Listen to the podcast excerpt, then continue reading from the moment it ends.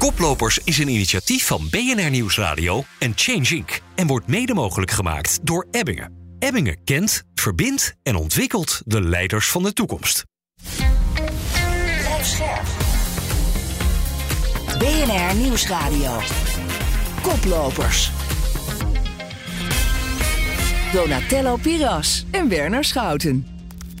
De COP27 is voorbij en we doen een terugblik. Wat moet er dit jaar gebeuren? Willen we volgend jaar wel tevreden zijn? Grote verdeeldheid op de klimaattop in het Egyptische Sharm el-Sheikh. Excellencies, dear friends. We leave Sharm el-Sheikh with a renewed hope in the future of our planet. Maar de uitstap uit fossiele brandstoffen die haalde het slotakkoord niet. En ook op het vlak van de uitstoot van broeikasgassen is er weinig vooruitgang. Vandaag zou eigenlijk de laatste dag zijn, maar door grote verdeeldheid wordt er zeker met één dag verlengd. What we have in front of us is not enough of a step forward for people and planet. Dit is Koplopers, het programma waarin we met ondernemende wereldverbeteraars sparren over hun duurzame innovaties. Dat doen we in samenwerking met Changing. En Werner, klimaatnieuws heb je natuurlijk iedere week meegenomen. En ik kan wel raden waar het deze keer over gaat. Ja, poeh. Ik, uh, ik ben deze week wel met een enorme kater wakker geworden, als ik het zo mag zeggen. Het huilen staat mij wat uh, nader dan het lachen deze week. Want Tijdens de kop is het gapende gat tussen de klimaatwetenschap en de klimaatpolitiek eigenlijk met geen centimeter kleiner geworden. Hè. Er is natuurlijk een, een fonds voor klimaatgerelateerde schade gekomen, waar nog bar weinig geld voor beschikbaar is gemaakt. Maar als je kijkt naar wat er voor progressie is geboekt voor emissiereductie, dan, dan is er heel weinig gebeurd. Er is geen overeenstemming over afspraken die emissiereductie versnellen. Er is geen verbod op de honderden miljarden aan fossiele subsidies. Er is geen wereldwijde CO2-tax. En zelfs, zelfs een poging om de afschaling van fossiele brandstoffen in de definitieve overeenkomst op te nemen, mislukte. Hmm. Dus ja, ik, ik, toen ik naar die klimaattop toeleefde, toen dacht ik dat die, onze leiders echt de kans hadden om tijdens de COP27 bijeenkomst de keuze te maken tussen een bewoonbare planeet en, en ja, de private partijen tevreden stellen. En ik heb toch wel een beetje het gevoel dat ze met die private partijen uh, mee zijn gegaan. Ja, kortom, uh, bij jou uh, overheerst de mineur. Ja. ja. We gaan kijken of we dat tijdens de uitzending van Koplopers even kunnen opkrikken, Werner. En wellicht met onze eerste gast, die onderhandelde namelijk tijdens de totstandkoming van het VN Klimaatverdrag. Hij werkte mee aan IPCC-rapporten. Hij heeft de kop gevolgd. Hij weet wat er zich achter de schermen afspeelt. Welkom, Dr. Leo Meijer. CEO bij Climate Contact Consultancy. Ja, wat is jouw afdronk van de kop? Ja, nou, ik ga toch een beetje uh, tegengas uh, geven. Uh, tuurlijk is het heel teleurstellend dat op het gebied van de aanpak van de broeikasgassen er totaal geen vooruitgang is geboekt. Ehm, het is wel een, toch een soort verandering van perspectief wat ontstaan is door een fonds voor ontwikkelingslanden om klimaatschade die ze sowieso niet meer kunnen voorkomen, om daar wat voor terug te zien. En waarom is dat een verandering van perspectief? Omdat uh, dat onderwerp eigenlijk al heel lang op de agenda stond mm -hmm. en altijd is tegengehouden, want geen enkele minister van Financiën wil een uh, blanco cheque uitschrijven. En de, en, de, en de juristen zijn natuurlijk helemaal allergisch voor woorden als aansprakelijkheid en compensatie. Ja, dus dat zou precedentwerking kunnen hebben. En dan hebben ze dus heel lang tegengehouden. Ja. Maar nu? Ja, en nou, dat, eigenlijk heeft het een kleine voorgeschiedenis. In Parijs uh, uh, is er een afspraak achter de schermen gemaakt. Uh, eerst zou de doelstelling zijn opwarming tot 2 graden en dan niet erboven. En toen zeiden de ontwikkelingslanden, ja, maar dan lopen wij al een hele hoop schade en dan willen we daar geld voor zien. Nou, dat is toen afgehouden met de belofte, weet je wat, dan maken we die doelstelling van de anderhalve graad, die sluipen we erin. Uh, dan, en toen hebben de ontwikkelingslanden gezegd, nou, dan houden wij ons nog even kalm met financiële claims. Maar let op, als die 1,5 graden in gevaar komt, dan uh, zijn de rapen gaar. Nou, dat is ook precies wat er gebeurd is. Ja. En dus uh, is nu die, zijn die, uh, is dat echt, echt tot, een, tot een crisis verworden tussen hele verscherpte tegenstellingen. En heeft uiteindelijk heel dapper, heeft de Europese Unie bij monden van Frans Timmermans, ja. die hebben dan toch maar hun nek uitgestoken van, nou, oké, okay, dan moet er maar in godsnaam zo'n fonds komen. Ja, want anders dreigt dat natuurlijk helemaal Want te mislukken. Anders is het, komt er gewoon helemaal niks uit. Met er wel de eis, maar dan moeten we ook de broeikasgassen aanpakken. Nou, dat laatste heeft, heeft Nederland niet voor elkaar gekregen. Ik vond het wel opvallend dat ook Timmermans en Rob Jetten zeiden van... Ja, het is heel een teleurstellende uitkomst.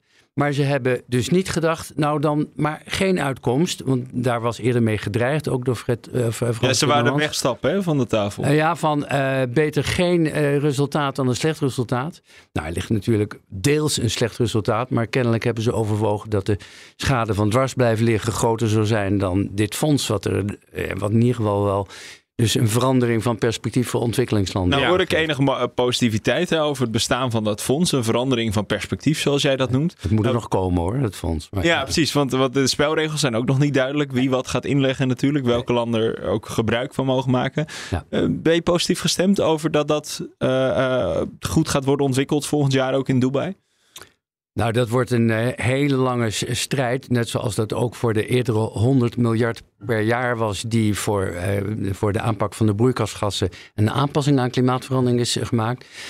Want, uh, nou ja, inderdaad, hoe, hoe moet je die schade berekenen? Dat is al een uh, hele, hele lastige. Van wat heeft de natuurlijke oorzaak en wat ligt aan de landen zelf en wat komt echt door klimaatverandering? Dan wie beslist erover? Hoe wordt erover beslist? En ook wie kunnen er aanspraak op maken en wie niet? En ook wie moeten het allemaal gaan vullen? Dus, nou goed, daar komt dan een een transitiecomité voor en die moeten dat allemaal gaan uitzoeken. Maar ik denk dat onder de druk van de ontwikkelingslanden, dat is een hele grote, machtige groep, uh, zal dat zeker niet stil komen te liggen. Nou ben ik razend benieuwd naar het belangenspel dat zich echt achter de schermen afspeelt. En de gemiddelde luisteraar zal dat ook weten. Hè? Wij krijgen de uitkomsten, maar er is natuurlijk een enorm spel. Hoe gaat dat te werk in die black box die wij allemaal niet zien?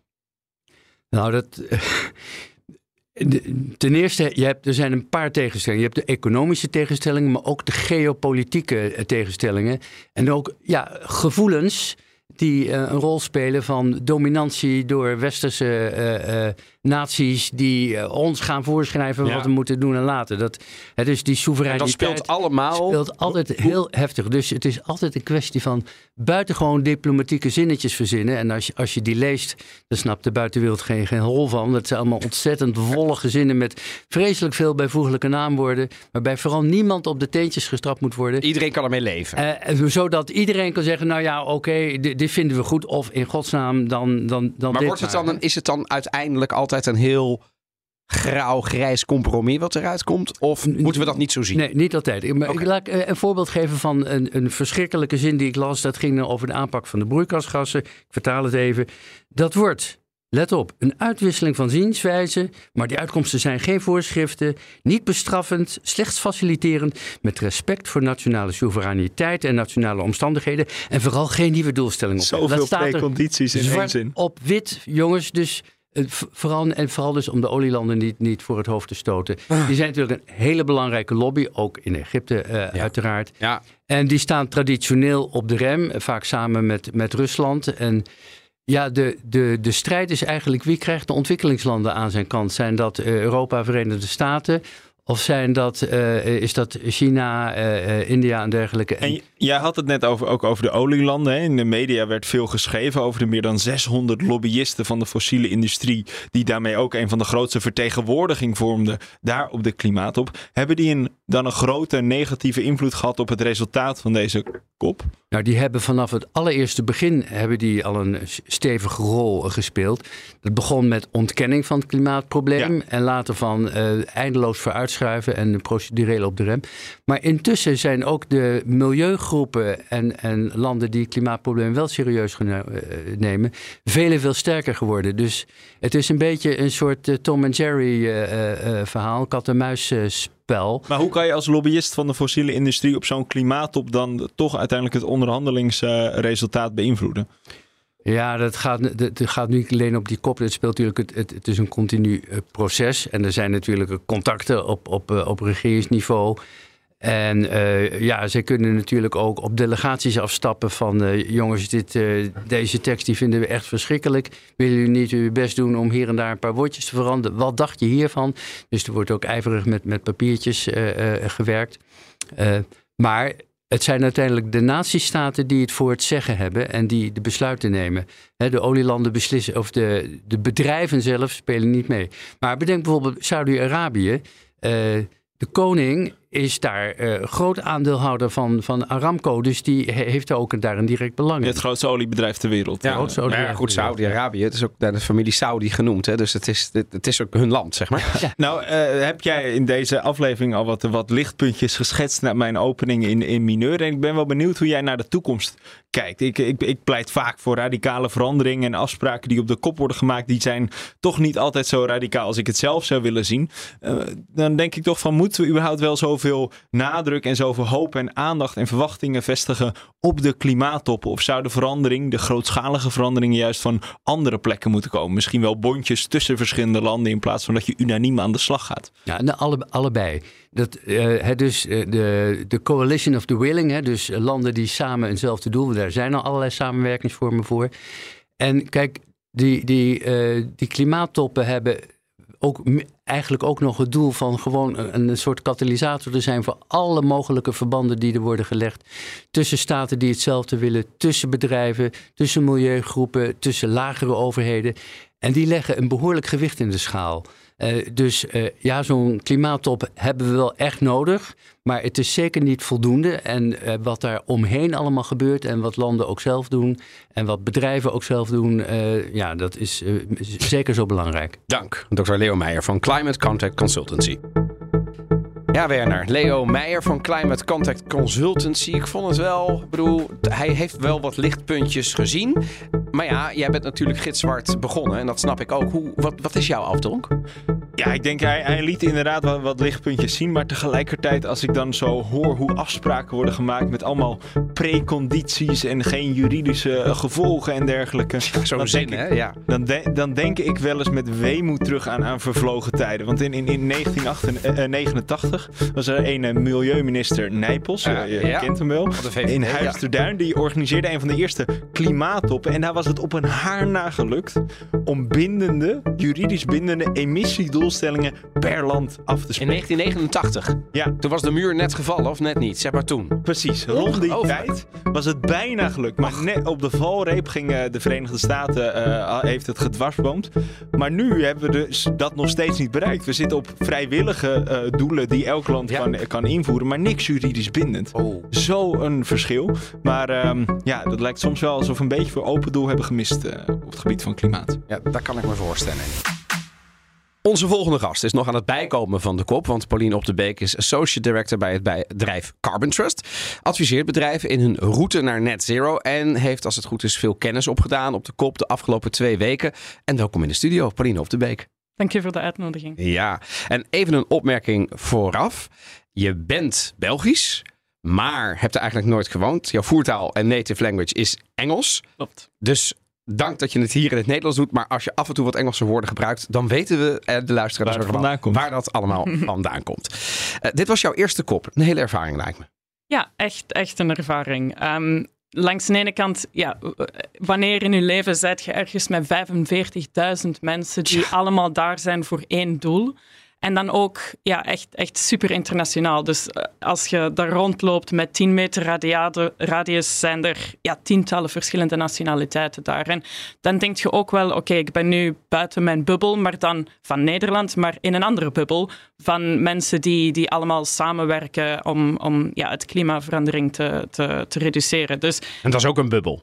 En dat is ook een bubbel. Maar je hebt dan het globale perspectief. Dus, dus dan zie je wel, ja, het is echt een globale probleem natuurlijk. En daarom heb je dan die, die, samenkomst. Maar iedereen heeft wel zijn lokale perspectief ook. En, en dus ja, globale, maar dan ook lokale oplossingen zijn dan heel belangrijk. En, en wat ik me wel afvraag, kijk, eh, we spraken net over de klimaatop als een onderhandeling tussen landen. Maar er zijn dus ook duizenden, duizenden mensen van bedrijven. Waarom zijn commerciële partijen überhaupt bij die klimaatop? Ja, dus, dus dat was waarom dat ik er ook was, omdat wij een adviesbureau zijn en we, we werken met bedrijven om hun net zero doelstellingen um, uh, te, te maken. En daar was superveel activiteit rond. Dus je hebt allemaal side events. Dus, gewoon business development eigenlijk. Uh, ja, maar, maar dan ook, ja, er worden veel rapporten gelanceerd. Bedrijven delen dan hun ervaring van, ja, hoe heb ik mijn net zero doelstelling gedaan? Wat is de actie die ik neem? Um, wat zijn dan ook de uitdagingen? En die gesprekken zijn, ja, die zijn heel nutvol, want, want ja, je leert echt van elkaar. En dat is ook heel, heel belangrijk, die samenkomst van bedrijven in andere landen en, en alle sectoren die te samenkomen. Ja. Zijn er ook lichtpuntjes? Vind je ook dat daar iets goeds is gebeurd? Hè? Bijvoorbeeld rondom het gesprek wat er met bedrijven uh, plaatsvindt. Ja, dus iets dat ik heel veel gehoord heb is 1,5 graden. Dat is geen doel, dat is een limiet. En dat was echt de, oh. de, ja, de quote zeg maar, van de bedrijven die daar klinkt waren. Mij ineens, klinkt, klinkt mij heel positief in de oren. Is dat ook zo? Ja, en, en ik denk de, de, ja, de bedrijven die daar waren natuurlijk, die hebben allemaal wel, of voor de meerderheid hebben wel net zero doelstellingen um, en interim targets. Maar, maar je zag wel echt, die commitment is er. En ze zijn voorbereid om ja, die, die implementatieplannen, het geld dat ze daar ook gaan aan uitgeven. En, en daar kwam ik dan echt heel positief uit. En dan ook nog ja, het term net zero, dat, dat, dat komt van uh, de Science Based Targets initiatief, wat, wat, bedrijven betrekt. Maar nu is er dan ook een ISO-standard. Dus dat is nu misschien wel heel technisch, maar nou die standaard was daar gelanceerd. En dat neemt het echt allemaal een stap verder, denk maar ik. Even voor, voor, zodat zeg maar, de, de luisteraar begrijpt, als je net hè, zero uitstoot, dat doel, dat kunnen we ISO standaardiseren, waardoor bedrijven zich dus nou ja, toch op een professionele manier kunnen organiseren om dat doel te bereiken. Dat is wat daar dan ook gebeurd is. Ja, klopt. waar, waar, ik dan wel naar benieuwd ben, hè, wij kennen zelf ook de video's van premier Rutte, die ook in deze klimaat op zei van het is over met de beloftes, het gaat om actie en we moeten meer doen. Uh, ik kan me voor, terwijl thuis in Nederland lang niet altijd even hard uh, op, die, uh, dat groene gaspedaal wordt gedrukt, om het zo te zeggen. Zie je dat ook bij bedrijven, dat de discrepantie tussen wat ze zeggen op de klimaatop en wat ze in die andere 50 weken in het jaar doen, dat die groot is? Ja, COP is altijd, uh, of november is het maand van veel uh, announcements van doelstellingen en, en actie en al dat soort dingen. Um, maar uh, ja, je hebt natuurlijk, je kunt een doelstelling zetten van net zero 2040, 2050. En je hebt wel bedrijven die dan denken, oké, dat is ja, tientallen jaren weg. En, en daar, dan is er een beetje van een pauze van, ja. oké, welke... Het gaat erom wat je vandaag en morgen ja. doet. En, en daarom zijn die interim targets heel belangrijk. En dat was echt een focus van veel van de gesprekken dat ik naartoe ben gegaan. Dat om de vijf jaar moet je dan een interim target hebben. En dan een heel gedetailleerde plan van hoe dat je die dan gaat raken. Want ja, om te zeggen, in 2050 zijn we net zero, dat is iemand anders probleem. Iemand die nu die doelstelling zet, die gaat nu niet meer in het bestuur zijn van het bedrijf. Oké, helder. Dus, dus er wordt wel steeds meer op die implementatie gericht ook. En eh, wat, wat ga jij zelf halen op zo'n conferentie vanuit jouw rol als Associate Director bij Carbon Trust? Ja, dus um, wij, wij spreken daar veel over ons projecten. Dus zodat ja, andere bedrijven die daar zijn, of er zijn, alles wordt dan ook wel tegenwoordig livestreamed. Dus het is niet alleen de mensen die in COP zijn, die die, die discussies kunnen um, uh, voeren, maar dan ook men, mensen die, die die livestreams kunnen luisteren. Dus het is onze ervaring met onze klanten van hoe zun die, die implementatieplannen zijn aan het bewerken. En, en ik neem aan als jullie advies geven aan jullie klanten, dat jullie alleen advies geven over, over hoe ze in lijn zijn, kunnen komen met Parijs en dat al jullie klanten dus ook gewoon per aligned zijn. Ja, ja, dus wij zijn echt een missiegedreven adviesbureau. Dus, dus het advies dat we geven is allemaal ja, 1,5 uh, aligned. Ja. En, en, en, en dan hebben we dus nu de, de, de kop gehad. De, de afspraken, hoe fluïde soms ook zijn gemaakt. Wat, hoe, hoe gebruik jij vanuit ook jouw organisatie de opgedane kennis die je in de afgelopen twee weken hebt vergaard? Um, om uiteindelijk, laten we zeggen, de, de bedrijven te adviseren? Ik bedoel, wat doe je nu anders dan dat je drie weken geleden deed? Ja, eh, het is eigenlijk eh, moeilijk om te zeggen hoeveel dat ik in die tien dagen echt heb bijgeleerd. Ja. Want je hebt dan echt eh, de pols op, de hand op de pols van, van corporate climate action. Dus ja, de gesprekken die je daar dan ook voert met, met andere coalities, die, die sectoral coalities die, die voor decarbonisatie um, pushen, ja, eh, dat neem ik dan allemaal mee van oké, dit, dit zijn dan ook uh, grotere business cases die ik kan uitleggen aan, aan potentiële klanten of huidige klanten voor, voor die um, ambitie verder te nemen. Maar wat ik ook echt heel veel daaraan uh, gekregen heb is, ja, we praten heel veel over de, de risico's, dat het allemaal heel moeilijk is om die uitstotingen te meten, ja. om, om die doelstellingen te zetten. Maar er is ook superveel business opportunity. Dit is eigenlijk de grootste business opportunity van uh, ja, van, van onze generatie. En even, business opportunity is een mooie manier om te zeggen: hey ondernemers, je kunt er nog gewoon geld mee ja, verdienen. Super, zeker. Ja. En, en het gaat u ook heel veel geld kosten als je niks eraan doet. Dus ik denk, ja, het is ook, daar krijgt je dan ook het optimisme van, van Koop dat het niet alleen ja, die doom en gloom is. Er is al geweldig veel mogelijkheden om, om echt ja, interessante projecten te voeren en, en die business transformatie um, verder te brengen. Dan ter afsluiting, hè, wie A zegt moet ook B zeggen. Als we een adviesbureau uitnodigen in de studio, dan willen we natuurlijk ook wat advies hebben. Wat is de meest waardevolle tip die je ondernemers uh, die willen verduurzamen momenteel kunt geven?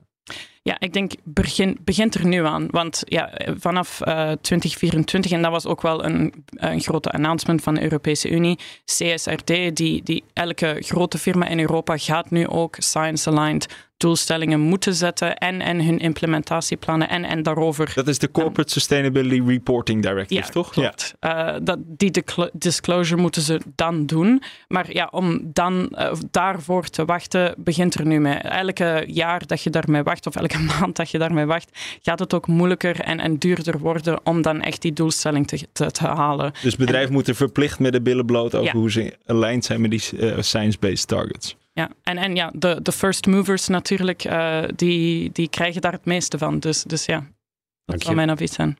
Dankjewel, Pauline Op de Beek van Carbon Trust. Ja, Donatella, we hoorden net meer over de, de commerciële kant, hè, de bedrijfslevenkant van, uh, van, de, van de kop, wat jou afdronk. Ja, kijk, als ik eerlijk ben, Werner, ik ben niet zo verbaasd dat op zo'n kop met alles wat er speelt, de geopolitiek, de oude, uh, laten we dat ook benoemen, de oude kolonialistische gedachten, waardoor bepaalde landen echt ge, ge, gebeten zijn als ze door een ja? westerse land ook maar enigszins worden ge, genudged naar een kant toe. Al die dingen samen. We krijgen het in Nederland in een coalitie van vier partijen af en toe al niet voor elkaar om progressie te boeken. Hoe moeilijk moet dat dan wel niet zijn met al die belangen die er op tafel zijn?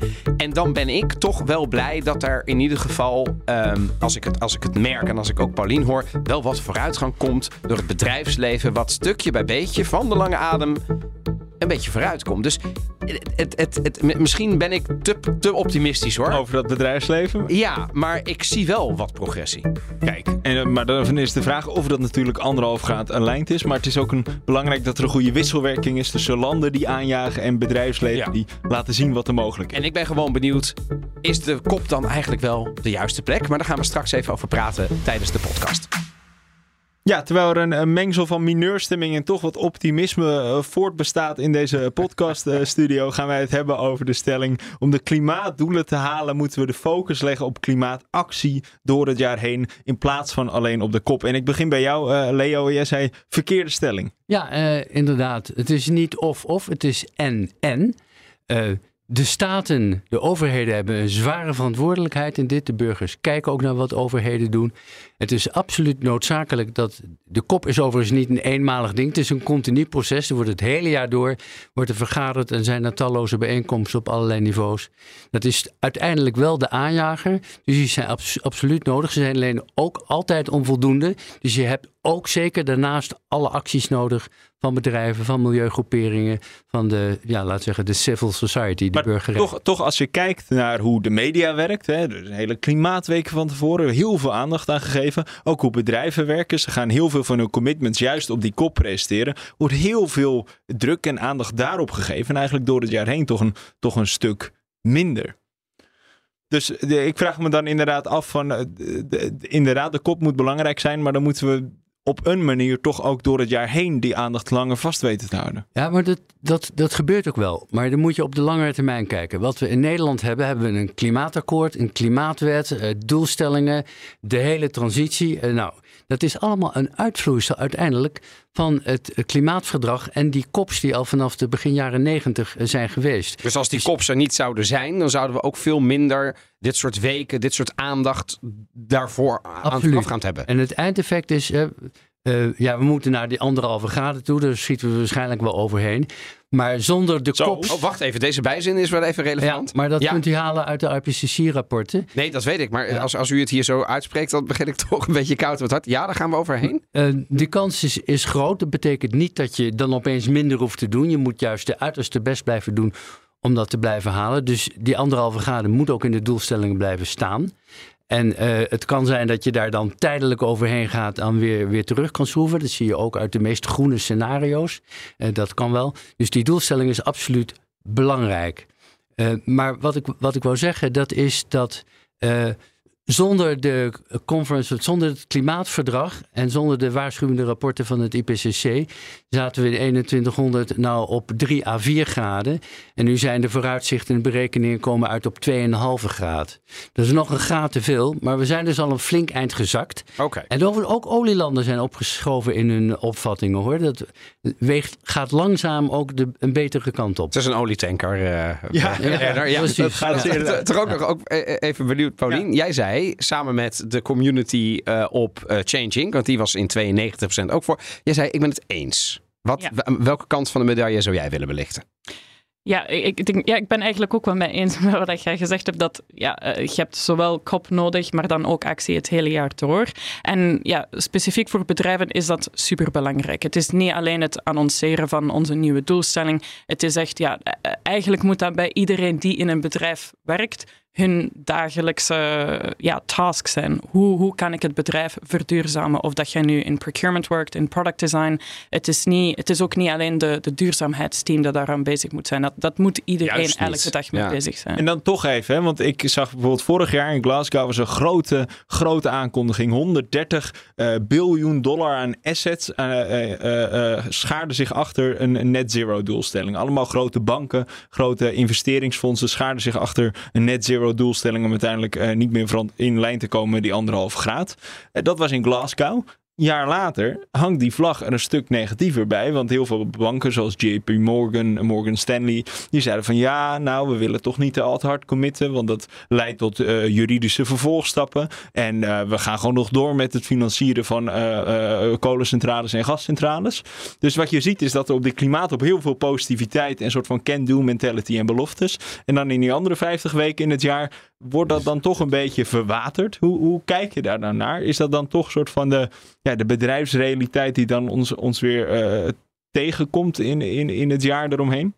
Ja, ik denk natuurlijk, you always aim high, right? En in, in zo'n kop kun je niet, ja, als je dan al een heel watered down doelstelling, dat dan... Maar we aim for the limit, toch? Zoals ja, jij ook zei. maar, maar als je dan in het jaar dan nog verder vermindert, dan, dan, dan, ja, dan, dan, dan is er niks verder. Dus daarmee, eh, het hele ambitieuze dat eruit komt, natuurlijk is een bedrijfelijke realiteit. En, en die, dat, is, dat is maar normaal. Je kunt het hele economische systeem niet van, van één dag op het ander veranderen. Ehm, dus ik denk, ja, eh, we werken wel elke dag daaraan. En, en eh, ja, soms, soms, sommige jaren gaat het sneller en andere trager. En natuurlijk dit jaar met het energiecrisis, dat heeft natuurlijk ja, langs de ene kant niet geholpen, want ja, we, we hebben een, een tekort aan energie. En dus Maar- hebben we fossiel nodig. En, terug fossiel nodig. Maar aan de andere kant, ja, ik ben naar een, een panel gegaan eh, in de paviljoen van de Europese Unie. En ze hebben gezegd, ja, dit hele, ja, wat hopelijk een, een heel korte termijn crisis, dat heeft ons echt een gigantische stap verder gebracht om meer investering in groene energie. Dus je ziet ook... Dus ja, de noodzaak is wel weer duidelijk Ja. geworden. En de urgentie dat we moeten versnellen met renewables bijvoorbeeld. Ja. Door deze, door deze eh, kies. Eh, ook eens dat het, Ja, dat het zeker. Mes aan twee kanten snijdt? Ja, nou ja, en laten we hopen dat het geen 80-jarige oorlog is. Eh, en, Nee, dat- die duurde toen ook al geen 80. Eh, Maar, nou ja. En, en dat het dus op zich die, die piek die we nou krijgen, omdat we gewoon fossiel nodig hebben om de winter door te komen, dat dat op een gegeven moment wel weer, weer zakt. En dat die, het steeds goedkoper worden van duurzame energie, die langzaam maar zeker de fossiele energie uit de markt begint te drukken, dat dat gewoon stevig doorzet. maar als we kijken naar, bedoel, ik zag gisteren nog een statistiek op het onvolprezen Twitter-platform van een energie-expert. En die zei, in Nederland zijn we op dit moment al 38% vergeleken met vorig jaar aan gas aan het besparen. En dat heeft verschillende Gigantisch oorzaken. verschil, Dat heeft verschillende oorzaken. Maar al die oorzaken tezamen, die urgentie, de, de, zorgt ervoor dat we dat op dit moment aan het besparen zijn. Dus dat werkt wel. Ja. Maar dat is positief, hè? Dus we Het kunnen het, wel, we kunnen het wel. Ja, en ik denk daarom, ja, we zien dat we het kunnen. En, en het is dan echt, wat zien we als een crisis? Dus dit is korte termijn, dat wordt natuurlijk als een crisis gezien. En dat is natuurlijk ook wat het moeilijk is aan het klimaatcrisis, dat het een langterme crisis is. En ja, eh, als je dat, en ik denk, we leren alles is mogelijkheid. Het geld bestaat, de actie kunnen we nemen, zoals u, u juist heeft uitgelegd. Dus ja, als we dat verder brengen, dan denk ik dat we ook ja, in Maar- het loop maar- van het volledige Hoe- veel hoeveel, is er dan nog meer nemen. nodig om echt in die, die crisis eh, aanpak te komen? Want ik bedoel, deze zomer al waren er meer dan 100 gemeentes in Frankrijk zonder drinkwater. Eh, vorig jaar stond Valkenburg onder water. Dus, dus zeg maar, wat is er nog meer nodig om, om dat crisisbesef langdurig te laten zijn door zo'n jaar heen?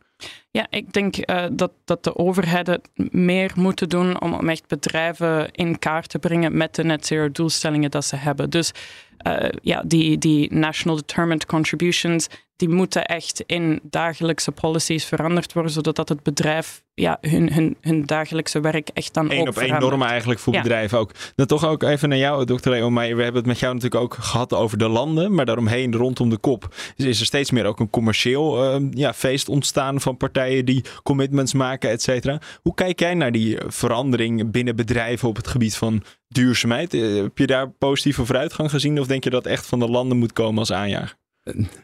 Beide, de, de, de overheden jagen aan en bedrijven lezen de rapporten ook wat er gebeurt. En bovendien voor iedereen steeds duidelijker zichtbaar wat er gebeurt. U noemde al Valkenburg, maar natuurlijk ook Pakistan en Nigeria. Ja. Dus de gevolgen van klimaatverandering worden steeds zichtbaarder. Ja. Dat, eh, dat verhoogt het bewustzijn om iets te doen en ook om vooruit te zien van op deze manier kunnen we niet verder.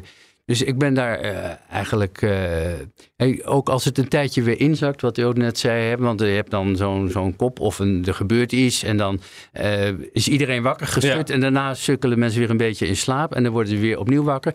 Maar op de lange termijn zie je wel degelijk veranderingen.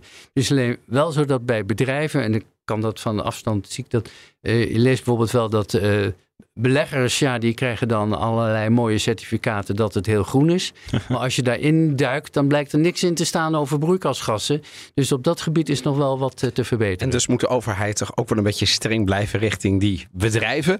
Ehm, voordat ik mijn gasten bedank, Werner, eh, aan het einde van deze podcast is de afdronk. De, de, de- er zijn wat lichtjes getoond aan het einde van de tunnel, maar eh, we, zijn, eh, we zijn nog niet in eh, volle Nee. zon eigenlijk. Dat moet jij ook zeggen, hè? dat is natuurlijk terecht. Ik ga mijn gasten bedanken. Zo voel ik het ook. Ja, en, en terecht. Dat, is- dat is natuurlijk ook zo. Helaas, moet ik daarbij zeggen. Ik ga de gasten bedanken. Dr. Leo Meijer van Climate Contact Consultancy en Pauline Op de Beek, Associate Director bij het bedrijf Carbon Trust. Beide hartelijk dank. En dit was de podcast van Koplopers over de kop 27. Volgende week dan praten we bij Koplopers over palmolie en vooral de Blijf luisteren. Bye bye. Koplopers is een initiatief van BNR Nieuwsradio en Change Inc. en wordt mede mogelijk gemaakt door Vattenval. Samen werken we aan een fossielvrij leven binnen één generatie.